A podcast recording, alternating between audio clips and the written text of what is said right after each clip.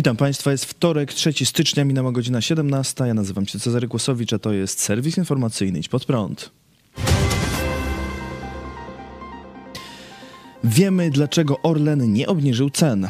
Jak mówiliśmy w poprzednich serwisach, mimo podwyższenia VAT na paliwa od 1 stycznia ceny na stacjach praktycznie się nie zmieniły, a to przez to, że Orlen na przełomie roku obniżył cenę hurtową, co znaczy, że wcześniej utrzymywał zawyżoną cenę i obniżka VAT nie przekładała się na niższe ceny dla konsumentów, ale na wyższe zyski dla państwowego koncernu. To wywołało oburzenie mediów i opinii publicznej, a MPK Wrocław oraz Konfederacja zapowiedziały złożenie doniesienia do Urzędu Ochrony Konkurencji i Konsumentów. Urząd oświadczył, że przygląda się sprawie i nie wyklucza interwencji. Do sprawy odniósł się w rozmowie z Polską Agencją Prasową główny ekonomista Orlenu Adam Czyżewski. Oto co powiedział. Zarzuca się nam, że skoro obniżyliśmy cenę 30 grudnia, to mogliśmy to zrobić wcześniej. Nie mogliśmy, bo sytuacja na rynku jest taka, że doprowadzilibyśmy do kolejek na stacjach. A teraz cena detaliczna nie spadła, ponieważ nadal nie ma miejsca na jej spadek ze względu na ograniczoną podaż. Także to nie chęć dodatkowego zysku, który i tak w tym roku, jak chwali się sam Orlen, jest rekordowy, to troska o nas, abyśmy nie stali w kolejkach po tańszą benzynę.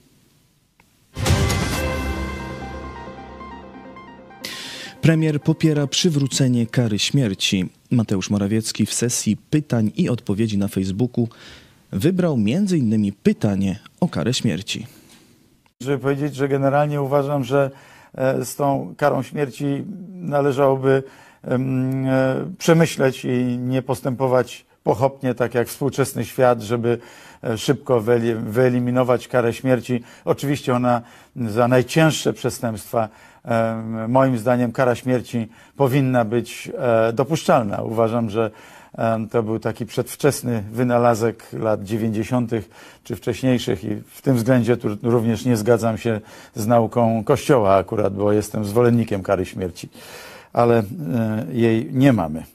PiS w żadnym y, obszarze z tym, tych takich kluczowych nie broni suwerenności Polski, tylko przyjmuje dyktat mody w Unii Europejskiej. Nie rządzi nami parlament, nie rządzi nami premier, nie rządzi nawet wódz naczelny, y, czyli Jarosław, żyj wiecznie. Rządzą nami jakieś mody i oni mówią, że kara śmierci jest jednym z fundamentów cywilizacyjnych. Oni to wiedzą, nic nie robią w tej sprawie, żeby to zmienić. Kolejny fakt, i tu chyba taki y, duchowo może najbardziej bulwersujący, że oni wiedzą, że Kościół katolicki w pewnych sprawach kłamie. To jest stary katechizm. Zobaczcie, teraz 94 mamy... rok. Jest jasno, że kara śmierci jest dobra, sprawiedliwa, że należy do mandatu legalnej władzy państwowej. A teraz hokus pokus!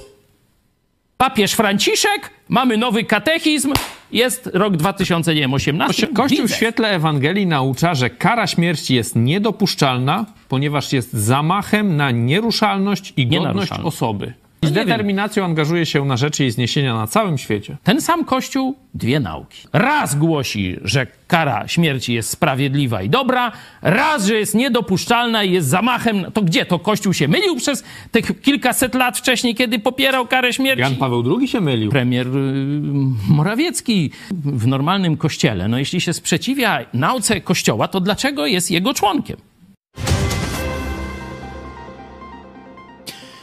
Szpital w Cieszynie zawiesza oddział dziecięcy. Dyrekcja Zespołu Zakładów Opieki Zdrowotnej w Cieszynie podjęła decyzję o zawieszeniu funkcjonowania oddziału dziecięcego na trzy miesiące do końca marca. Powodem jest brak lekarzy pediatrów, którzy mogliby obsadzić dyżury i zapewnić całodobową opiekę.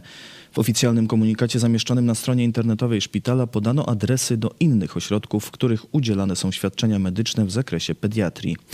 W rozmowie z TVN24 dyrektor szpitala Czesław Płygawko zapewnił, że w przypadku dzieci, które trafią do szpitala, konieczna pomoc będzie udzielana na innych oddziałach. Jak wskazał dyrektor, zawieszenie działania pediatrii w Szpitalu Śląskim w Cieszynie było konieczne w związku z odejściem trzech lekarzy pediatrów jesienią ubiegłego roku.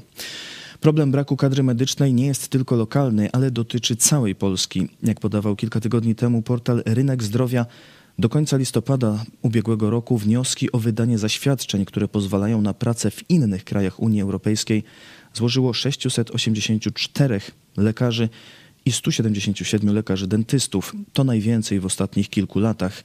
Wśród lekarzy, którzy chcą wyjechać, najczęstsze specjalizacje to choroby wewnętrzne, anestezjologia i intensywna terapia oraz psychiatria, ale w czołówce są też właśnie pediatrzy. Rosja i Chiny mają umowę o współpracy w zakresie propagandy. Świadczą o tym dokumenty wykradzione jeszcze w ubiegłym roku podczas ataku hakerskiego na wszechrosyjskiego nadawcę radiowo-telewizyjnego. Instytucję, która zarządza państwowymi rozgłośniami w Rosji i zajmuje się tworzeniem propagandy. Porozumienie dotyczy wspólnego tworzenia i rozpowszechniania treści informacyjnej, koordynowania działań medialnych i reagowania na sytuacje kryzysowe. Umowa z połowy 2021 roku obejmuje 64 wspólne chińsko-rosyjskie projekty medialne. Podpisały ją oprócz ministerstw także państwowe agencje informacyjne i media. Dokument jest też podpisany przez chińską firmę Huawei. W ramach porozumienia stworzono m.in. kreskówki dla dzieci. Niezależni rosyjscy dziennikarze z grupy medialnej Meduza wskazują, że w ramach tej chińsko-rosyjskiej współpracy ważnym wątkiem propagandowym było zaciemnianie spraw związanych z pandemią COVID-19, w tym dezinformacja dotycząca pochodzenia wirusa. Natomiast po ataku Rosji na Ukrainę w Chinach powielano rosyjską propagandę na temat Ukrainy. Totalnie obejmują obszar mediów że nawet bajki dla dzieci komuniści rosyjscy i chińscy razem projektują, żeby robić wam w mózgu, wiecie co, sieczkę. Tam też firma Huawei, być może jest niektórzy też, tak. z was macie te telefony, to ona jest objęta właśnie tym porozumieniem, że będzie w tej propagandzie komunistycznej, rosyjsko-chińskiej uczestniczyć jako jeden z podstawowych podmiotów. To pokazuje, że po pierwsze Rosja i Chiny to są bliźniacze systemy zła i po drugie, że walka rozgrywa się na każdej płaszczyźnie mediów od bajek dla dzieci, przez Huawei media te społecznościowe, po media głównego nurtu. Walka komunistów o twój umysł. Warto, żebyśmy mieli tego świadomość że to, co patrzysz, polubiasz, przesyłasz dalej na Facebooku, na Twitterze, Instagramie. Dzisiaj wojna toczy się praktycznie w Twoim smartfonie. Nie? Warto, żebyśmy o tym pamiętali. I tu mamy dowód tego, bo to jest hakerski wyciek z ich dokumentów i porozumień, że będą razem sterować propagandą na całym świecie. Kolejny sukces Ukrainy w Sylwestra. Sztab Generalny Sił Zbrojnych Ukrainy poinformował, że 31 grudnia Ukraina przeprowadziła udany atak na zgrupowanie wojsk rosyjskich w miejscowości Czułakiwka w okupowanej części obwodu hersońskiego. Około 500 żołnierzy rosyjskich zginęło lub zostało rannych. Wcześniej Ukraińcy informowali o udanym uderzeniu rakietowym na rosyjskich żołnierzy skoszarowanych w szkole w Makiejewce na przedmieściach Doniecka. Tam zginąć miało około 400 żołnierzy okupantów, a 300 zostało rannych. Ukraińcy obrali ten cel, ponieważ zauważyli aktywność wielu rosyjskich telefonów komórkowych w tym miejscu.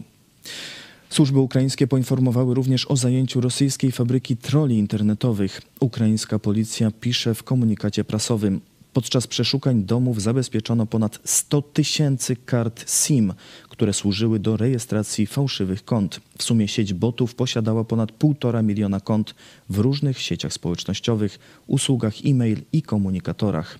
Boty zostały zarejestrowane w celu rozpowszechniania dezinformacji i rosyjskiej propagandy, pisze policja w komunikacie prasowym. Ukraińscy śledczy na odbitych terenach odkryli też kolejną rosyjską katownię. Jak podała ukraińska prokuratura, we wsi Oleksandriwka w pobliżu Hersonia znaleziono pomieszczenie, w którym Rosjanie przetrzymywali i torturowali mieszkańców.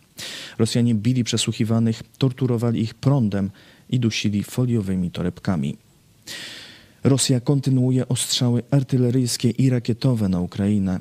W, mieś, w mieście Druszkiwka na południe od Kramatorska zbombardowali kryte lodowisko, które w ostatnim czasie pełniło funkcję magazynu pomocy humanitarnej. Rakieta spadła podczas relacji na żywo reportera francuskiej telewizji TMC. Rosjanie biorą na cel głównie obiekty infrastruktury, aby w zimie pozbawić Ukraińców prądu, wody i ogrzewania. Jednak Ukraińcy są coraz sprawniejsi w obronie i w ostatnich dniach likwidowali wszystkie nadlatujące drony, a nawet sami zaatakowali dronami Rosję, m.in. w obwodzie briańskim, gdzie atak dronów ukraińskich spowodował kilkunastogodzinne braki zasilania. A na okupowanych terenach Ukrainy Rosjanie zakazali używania hrywny, narodowej waluty ukraińskiej. Okupanci nakazują, by wszystkie płatności były dokonywane w rosyjskich rublach.